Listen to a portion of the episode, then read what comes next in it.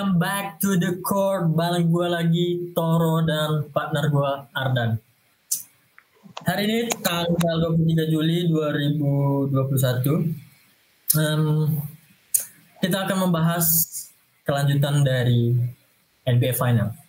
Dan sudah keluarlah NBA Champion 2020 yaitu adalah Milwaukee Bucks yang berhasil menang di game ke-6 untuk menutup seri final 2021 ini dengan kemenangan 4 poin comeback secara tuntas.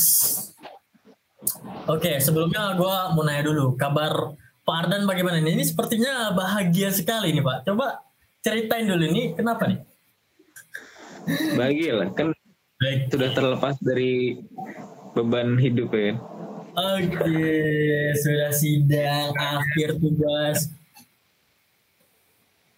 Selamat juga, juga sudah terlepas. Ya, tinggal revisi-revisi dan menuju yudisium dan wisuda. Semoga lancar sampai akhir apa ya. Oke, Siap. balik lagi ke topik. Untuk ngebahas game 6 kemarin yang dimenangkan oleh Milwaukee Bucks yang mencatatkan sejarah menjadi pemenang NBA Champion setelah 50 tahun ya. Sejak tahun kurang lebih 50 tahun. Ya, sejak, sejak tahun 70-an. Uh, eh, Bucks itu menang dengan skor 105 dan 98 Phoenix Suns. Oke langsung aja kita uh, sebelum ke analisa game 6 itu kita coba ngebahas secara general dulu. Apa yang terjadi sebenarnya di game 6 itu. Ini ada poin pembahasan. Um, permainan yang disuguhkan itu ya seperti biasa, seperti permainan di, pada final umumnya. Uh, sangat kedua tim itu sangat intens dan permainannya itu alot. Uh, Phoenix itu berhasil uh, mengepus di quarter 2 dan quarter 3. Tetapi Bucks itu nggak bisa coba start dan close the game, terus di series gitu. Gimana kira-kira menurut Pak? Kalau dari game 6 kemarin menurut gue uh, yang paling bahaya itu justru dari segi Suns ya. Suns tuh mainnya sebenarnya bagus sih sebenarnya kalau menurut gue. Secara tim ya, secara timnya mereka uh, sampai quarter 3 quarter 4 malah quarter 4 tuh masih mainnya bagus banget. Ya. Uh, mereka bisa bisa bisa apa ya? Bisa membungkam uh, crowdnya inilah Milwaukee lah. Yang tadinya di uh, quarter satu benar-benar kebantai 13 poin habis-habisan yeah. tuh di awal main uh, bisa dibalikin di quarter 2 bahkan uh, lead 5 poin. Terus juga di quarter 3 juga uh, mereka masih apa ya bisa dibilang masih lumayan memberikan tekanan banget lah buat uh, crowdnya Bucks walaupun emang Giannis gila-gilaan banget kan bisa yeah 50 poin. Gila itu legendary performance itu cuman yeah. dua dua pemain ya yang bisa mencatatkan statistik itu MG sama dia. 50 poin, 14 rebound, 2 assist plus. Cuman menurut gue yang jadi masalah tuh uh, dari Bucks uh, sama kayak pembahasan yang gue tulis sih sebenarnya. Uh, yeah. Jadi Bucks nih nggak tahu nih harus seneng atau sedih ya karena ya kalau lu bisa lihat dia benar-benar 50 poin artinya dari 100 ML 100 berapa gitu. Selisih 5 poin kan. Uh, itu harus dipegang sama Giannis 100 hampir setengahnya lebih setengah lah. Hampir setengah ya sekitar 40 persen. In case berarti uh, kualitas pemain yang lain ya kayak Chris Middleton, Jero Holiday, terus uh, Brook Lopez, atau shooter-shooter yang lain pemain-pemain cadangannya uh, menurut gue harusnya sih introspeksi ya. Berarti mereka masih belum uh, layak ketika Giannis emang main nggak ada gitu. Jadi peran Giannis kemarin terlalu besar menurut gue buat Bucks. Jadi ya emang dia layak kalau untuk MVP gitu kan. Yeah. di mana uh, skor dia 50 terus reboundnya juga over 10 bisa berapa belas ya? 15 ya 14 14 rebound 14 rebound ya gue layak lah.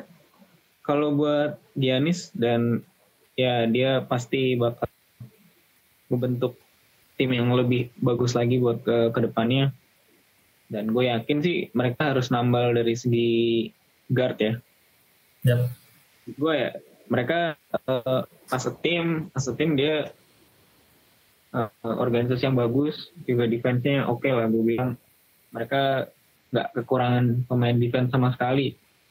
Bahkan kemarin uh, starting five-nya aja uh, pure totally defensive player ya. Bisa dibilang gitu ya, Tor.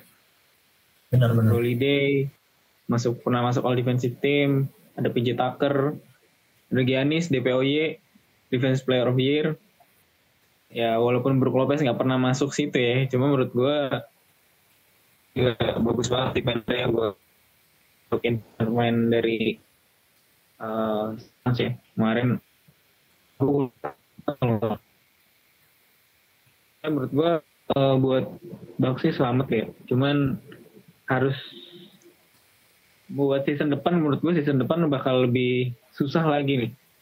Di mana uh, eh, GSW mulai bangkit, harusnya mulai bangkit, terus Lakers juga mulai nambah uh, amunisi, amunisi. buat ganti Dennis Schroeder yang menurut gue ya angin-anginan lah.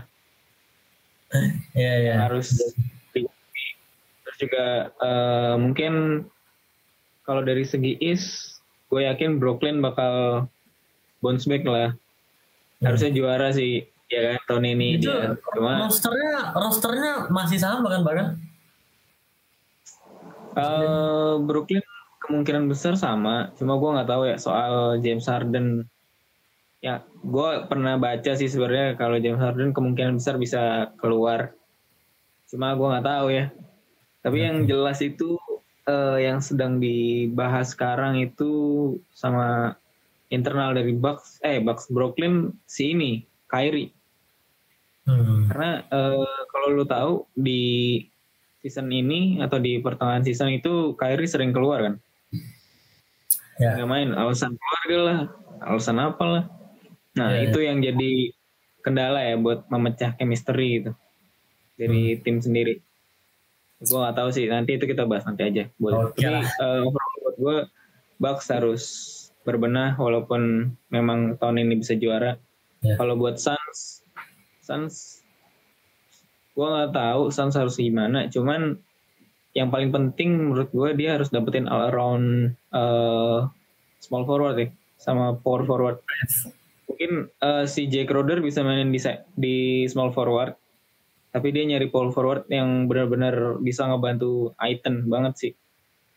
Yep. Karena ya kelemahannya di situ menurut gue dengan small man PF kayak Jack Roder yang cuma 69 tingginya 6 uh, feet 9 inch cuma menurut gue ya bisa lah Suns harus berkembang lagi sih apalagi yeah. si Fitri bakal cabut nih kemungkinan itu udah udah emang masih rumor atau prediksi lu uh, atau gimana nih gue nggak tahu ya itu benar atau enggak cuma dengan usia yang sekarang 37 mau 38 lah bisa bilang ya. Yep. Kalau nggak salah. Mau 37 kan.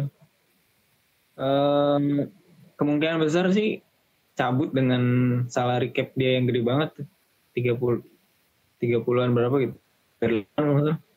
Iya sih kayak menurut gua ya menurut gua cabut sih harusnya ya apalagi dia kalau nggak salah minta gaji lebih gue kemungkinan ke Lakers tuh kan kalau kalau itu LeBron udah bilang sih yeah. Kalau misal si Fitri emang keluar dari Suns dia bakal ngajak si Fitri buat join Lakers. Kita nggak tahu. LeBron LeBron emang. Tapi gokil sih gue pengen lihat tuh trio. Gimana pendapat lu Tor tentang Suns ini Tor yang kemarin di Game 6 Tor kalau pendapat gue Uh, mungkin sedikit kurang setuju ya kalau Milwaukee Bucks ini cemas-cemas untuk season depan karena uh, sangat didominan dengan seorang Giannis Antetokounmpo.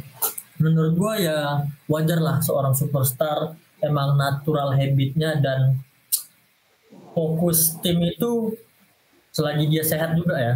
Giannis ini gue ngeliat juga emang super kali sih yang kita bahas sebelum-sebelumnya kan dia juga apa ada ngerasain cedera di lututnya itu kan sampai Adam Silver juga pas pitch memberikan dari O'Brien ini juga respect kali ke Giannis nih sama dapat finals MVP juga. Dia bilang kalau bermain through injuries pokoknya bisa sampai 50 points dan lain-lain. Ya menurut gue emang nggak ada yang harus dicemaskan sih menurut gue lahirlah seorang pemain yang loyal Giannis superstar monster bisa diharapkan organisasi dan tim apalagi player-player yang lain menurut gue itu emang natural ya seorang Giannis untuk season-season ke depan.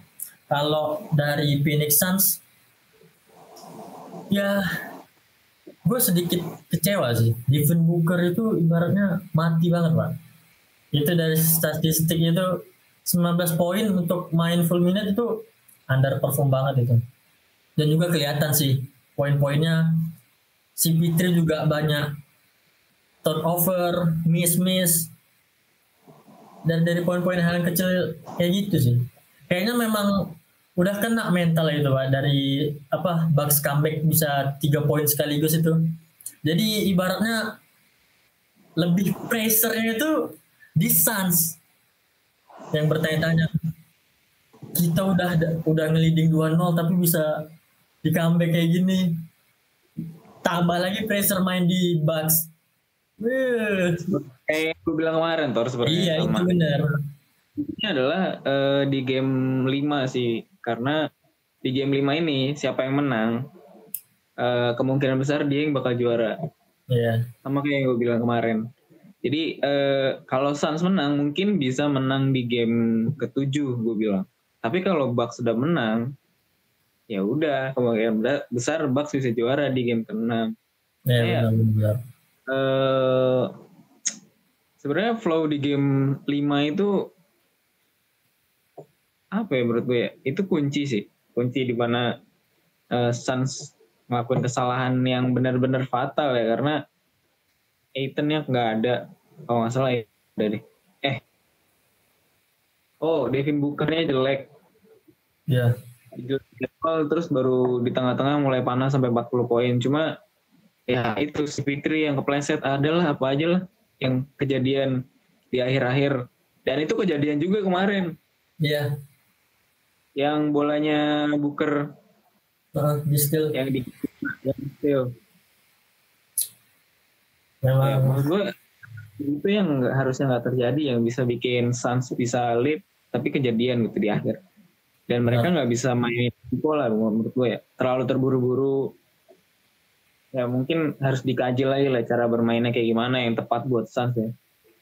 Iyalah. Ya bakal lebih baik lah Phoenix Suns dengan Monty Williams yang juga dengan kemenangan Bucks ini kan dia banyak belajar hal lah banyak pengalaman pengalaman ya walaupun nanti si Pitri bakal ninggalin Suns kemungkinan ya kita lihat lah next move-nya untuk Devin Booker dan Aiton ini gimana ya di sisi depan.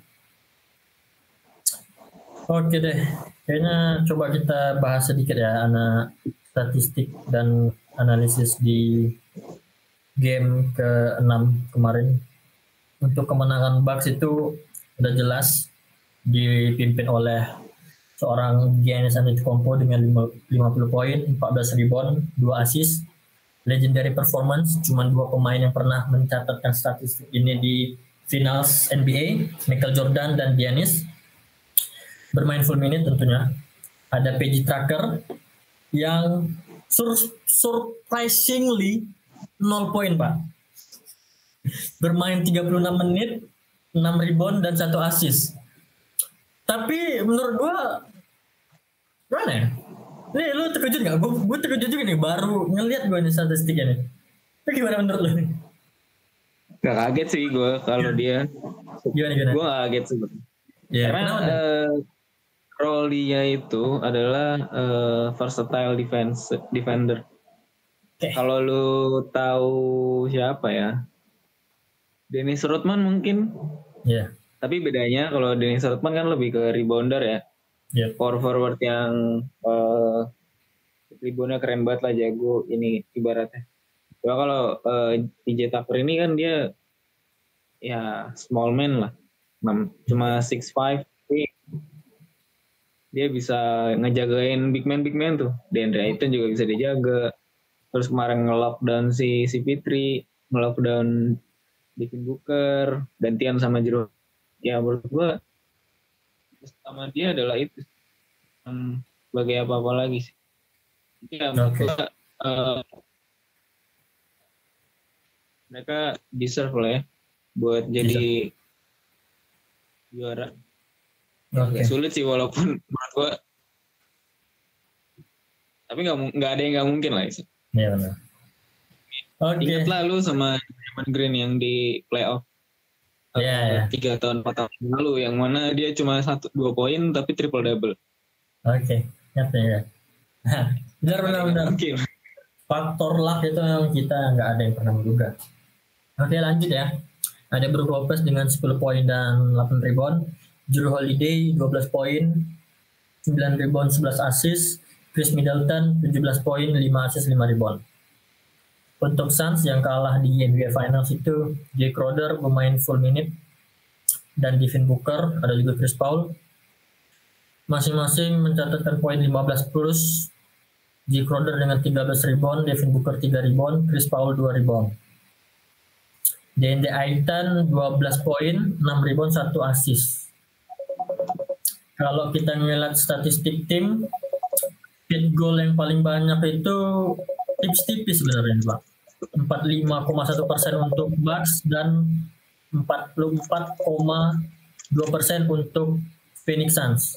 Untuk field goal 3 point attempt sama 6 dari 27 untuk Bucks dan 25 untuk Suns tapi di sini memang terlihat sangat jelasnya itu di rebound. 53 rebound untuk Bucks ofensif dan 37 untuk Suns. Ini kelihatan nih. Giannis di sini mungkin banyak di pen areanya juga Pak ya. Dan ya poin pada pen area 50 untuk Bucks dan 44 untuk Suns. Dan pelanggaran perorangannya juga Suns itu banyak 21 dan Bucks itu 17 dibuktikan gue dengan ya Giannis uh, attempt free throw-nya 17 per 19 itu udah jelas membungkam supporter Suns yang selalu mengolok-olok Giannis saat free throw ya Pak Iya mana free throw-nya si Giannis bagus banget kan gila parah Aduh, sampai di dia tadi pagi itu gue ngeliat highlights. Dia ada tuh demonstrasi free throw. Fans-fans di Milwaukee apa ngitungin. Keren sih. Oke deh. Tadi kita udah ngebahas game 6 dan analisa dan statistik dan lainnya. Mungkin kita langsung aja ke pembahasan secara umum ya. Ini ada juga fakta bahwa wasit yang memimpin pertandingan 6 itu punya track record yang buruk untuk si Fitri. Ini ala-ala kaum-kaum konspirasi nih Pak. Jadi wasitnya itu namanya Scott Foster. Track record Scott Foster ini memimpin pertandingan bersama Chris Paul itu 13 kekalahan untuk Chris Paul dan tidak pernah menang selama kalau dia pimpin sama Scott Foster ini. Menurut lu, lu gimana? Kalau kita melihat dari sisi konspirasi. Gimana ya? Cuma uh, Aduh. Kebetulan kan? Kebetulan atau emang menurut lo? Gimana tuh? Oke. Okay.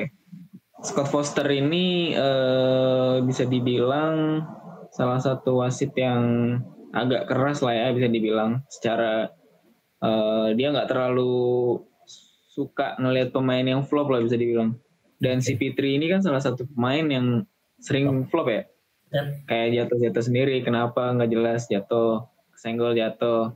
Nah, eh, sama-sama pemain yang sudah senior ya bisa dibilang. Si Fitri udah veteran lah masuknya. Yeah. Dan wasitnya pun wasit senior banget gitu, udah tua banget. Jadi menurut gue dia tahu lah uh, seperti apa sih si Fitri ini kalau misalkan memanfaatkan suatu pola gitu. Yeah. Dan ya bisa bisa dibilang uh, flop-flopnya si Fitri itu di game dia tiga game ya kalau nggak salah ya yang secara berturut-turut si Fitri kalah gitu ya menurut gua ya itu gara-garanya karena bisa dibilang di game 1 2 3 itu si Fitri sering banget flop tuh jatuh nabrakin orang jatuh fall ini jatuh fall apa dikit fall. Ya, di game kemarin terutama. Ya mungkin ada sedikit lah satu atau dua doang yang dibandingkan dengan sebelumnya ya. Dia menurut gua ya boleh lah ya bisa dibilang eh, sebab akibatnya gara-gara Scott Foster tapi ya menurut gua itu bukan major lah. It's a minor. Oke. karena eh, lu juga harus melihat dari segi permainan pemain yang lain kayak Booker yang ya gue sih Kasian ya. ah harus bilang apa ya. Gak, nggak tahu gue harus bilang apa kalau ngeliat Booker kayak gitu mainnya. Terus eh si Fitri juga sebenarnya mainnya juga nggak bagus-bagus banget kan. Bolanya sering lepas passingnya nggak benar ini ya. Menurut gue ya udahlah sih aja lah buat eh, Suns kalau ngeliat pemainnya kayak kemarin lah. Mhm. gue nggak tahu juga harus ngapain kalau gitu kan Oke. Ngomongin soal Devin harus Booker berkembang lah ya. Ngomongin soal Devin Booker nih, eh gue nggak tahu ini statementnya kapan dia bilang ya. Tapi keluarlah statement-statement di high like high like NBA itu membilang kalau dia berkata saya tidak seharusnya disamakan atau dikompar dengan Kobe Bryant. Kira-kira menurut lu gimana tuh dari pernyataan seorang Devin Booker itu? Gue gue itu kalau nggak salah gue pernah baca juga sih di mana ya? Ya di Um, ini sih Tor ada salah satu hal yang memang seharusnya tidak dimirip-miripin lah ya dari seorang pemain apalagi dengan legend. Oke. Eh, kalau lu ingat sama siapa ya gue bilang diingat Jamoran mungkin yang disamain sama eh, Russell Westbrook. Waktu di awal-awal dia main kan. Oh ya menurut gua lama-lama emang udah hilang karena dia main di tim kecil kan. Ya.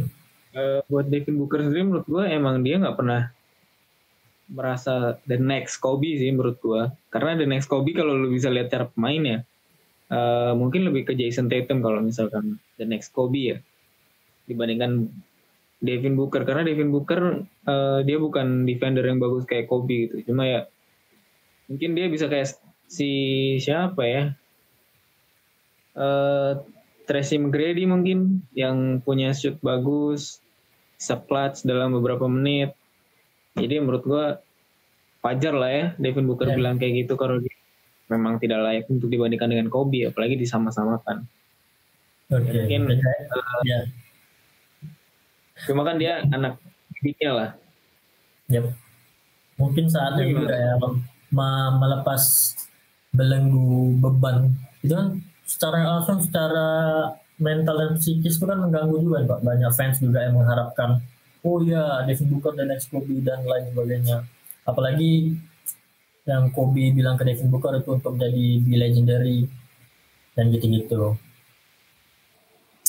Kalau tadi udah ada Devin Booker, ini untuk Giannis nih. Kira-kira what's next for Giannis after all this greatness menurut lu? buat Giannis sih harusnya 26 tahun loh. Giannis sudah Iya. pencapaiannya sudah bisa dibilang greatness banget lah.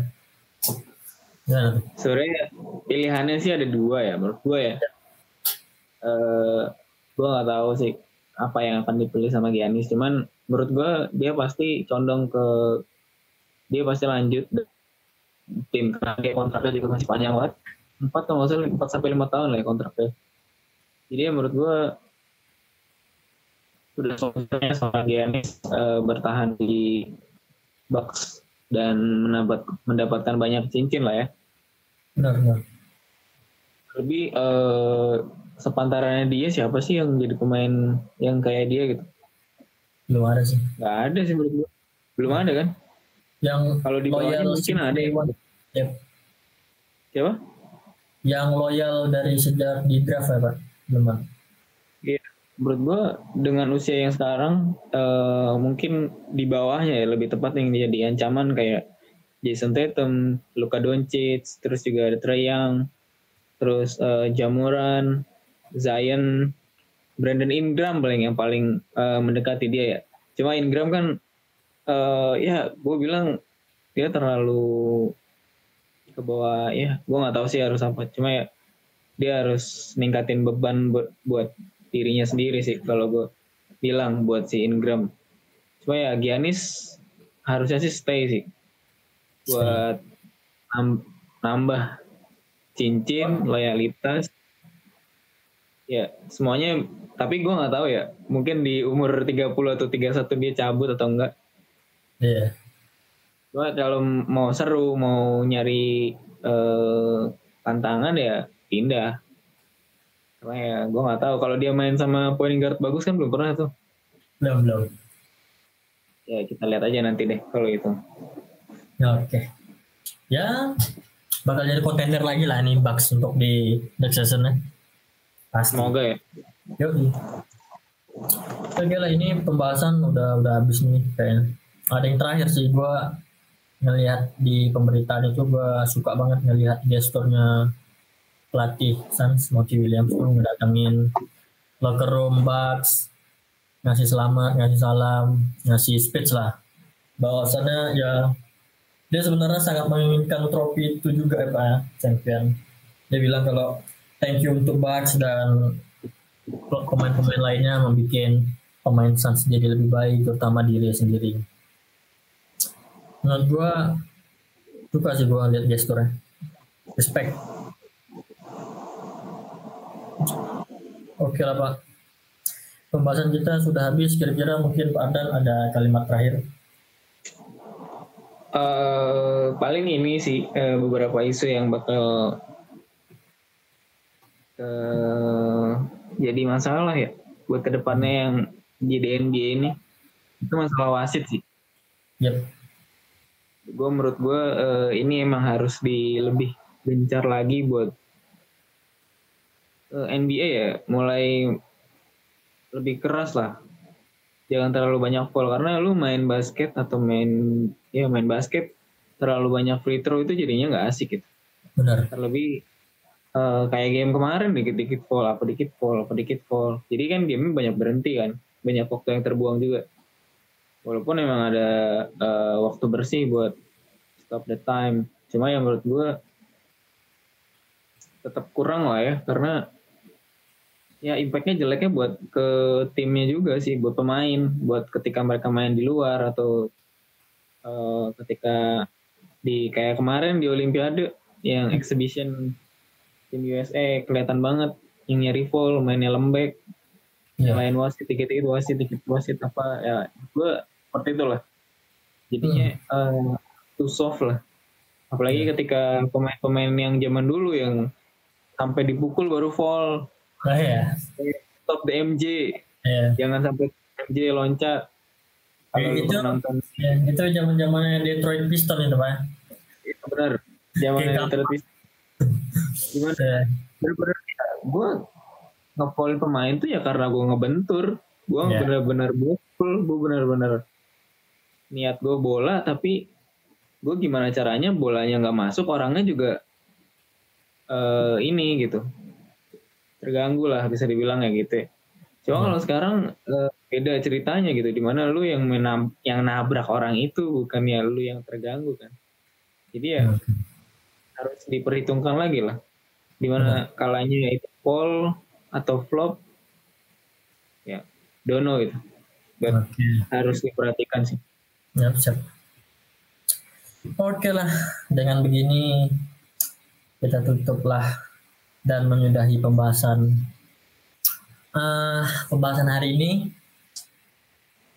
Menutup season sudah keluar finalis 2021 NBA Champion yaitu Milwaukee Bucks. Sekali lagi selamat untuk Bucks.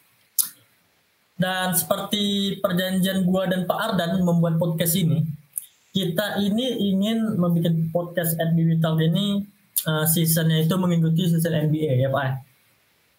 Jadi dengan berakhirnya season 2021 ini mungkin NBA Talk nggak bakalan update untuk menuju season yang baru NBA. Tetapi mungkin bakalan ada berita-berita yang terus diupdate melalui Instagram account gue ataupun uh, Pak Ardan. Oke, kayaknya cuma itu aja. Uh, sampai ketemu lagi teman-teman di season yang baru dengan kualitas audio yang baru mungkin. Ya, Pak, kita harus update lah ya Pak. Ya. Iya, kita update lah. Nanti kita pelajari lagi lebih dalam mengenai perpodcastan ini. Di sini kan kita juga belajar mengenai mengenai yeah. bagaimana kita berbicara, bertata bahasa secara poin per poin dan runtut. Terutama yang paling penting itu menyalurkan hobi kita terhadap basket dan ngobrol dan ngebacotnya itu. Benar nggak Pak? betul betul betul. Oke lah. Jadi gimana tuh? Bertukar pikiran gitu. Nah itu dia. Jadi santuy gitu. Oke kalau dari gua pribadi terima kasih buat teman-teman yang mungkin uh, ngedengerin. Uh, terima kasih juga buat Pak Ardan untuk season 2021 ini dan pencetus juga podcast at Bibliotalk buat terima kasih. Jadinya kita sama-sama belajar nih yang begini-begini. Oke. Okay? Iya. Oke, okay. kalau dari gua itu aja mungkin Pak Ardan sekalian tutup Ya, kalau buat dari gue sendiri, uh, gue ucapkan terima kasih buat yang dengerin, yang uh, udah support kita ya, yang udah ya mungkin ke depannya bakal banyak lah, mungkin nambah orang, satu dua orang mungkin ya bisa uh, meramaikan nanti ada siapa pun itulah jadi kamu mungkin ada orang yang benar-benar jago buat ngobrolin basket? Mungkin gue ngajak temen gue atau uh, emang senior senior yang analis anak basket gitu kan buat Yoi. NBA dan lain sebagainya. Ya mungkin ke depannya bakal kita upgrade lah. Ya terima kasih banyak uh, buat dengerin itu. Uh, semoga uh, di selanjutnya kita bisa stand out dan lebih upgrade lagi dari yang sekarang. Uh, terima kasih and ciao. Oke, ciao teman-teman. Sampai ketemu di season yang baru. you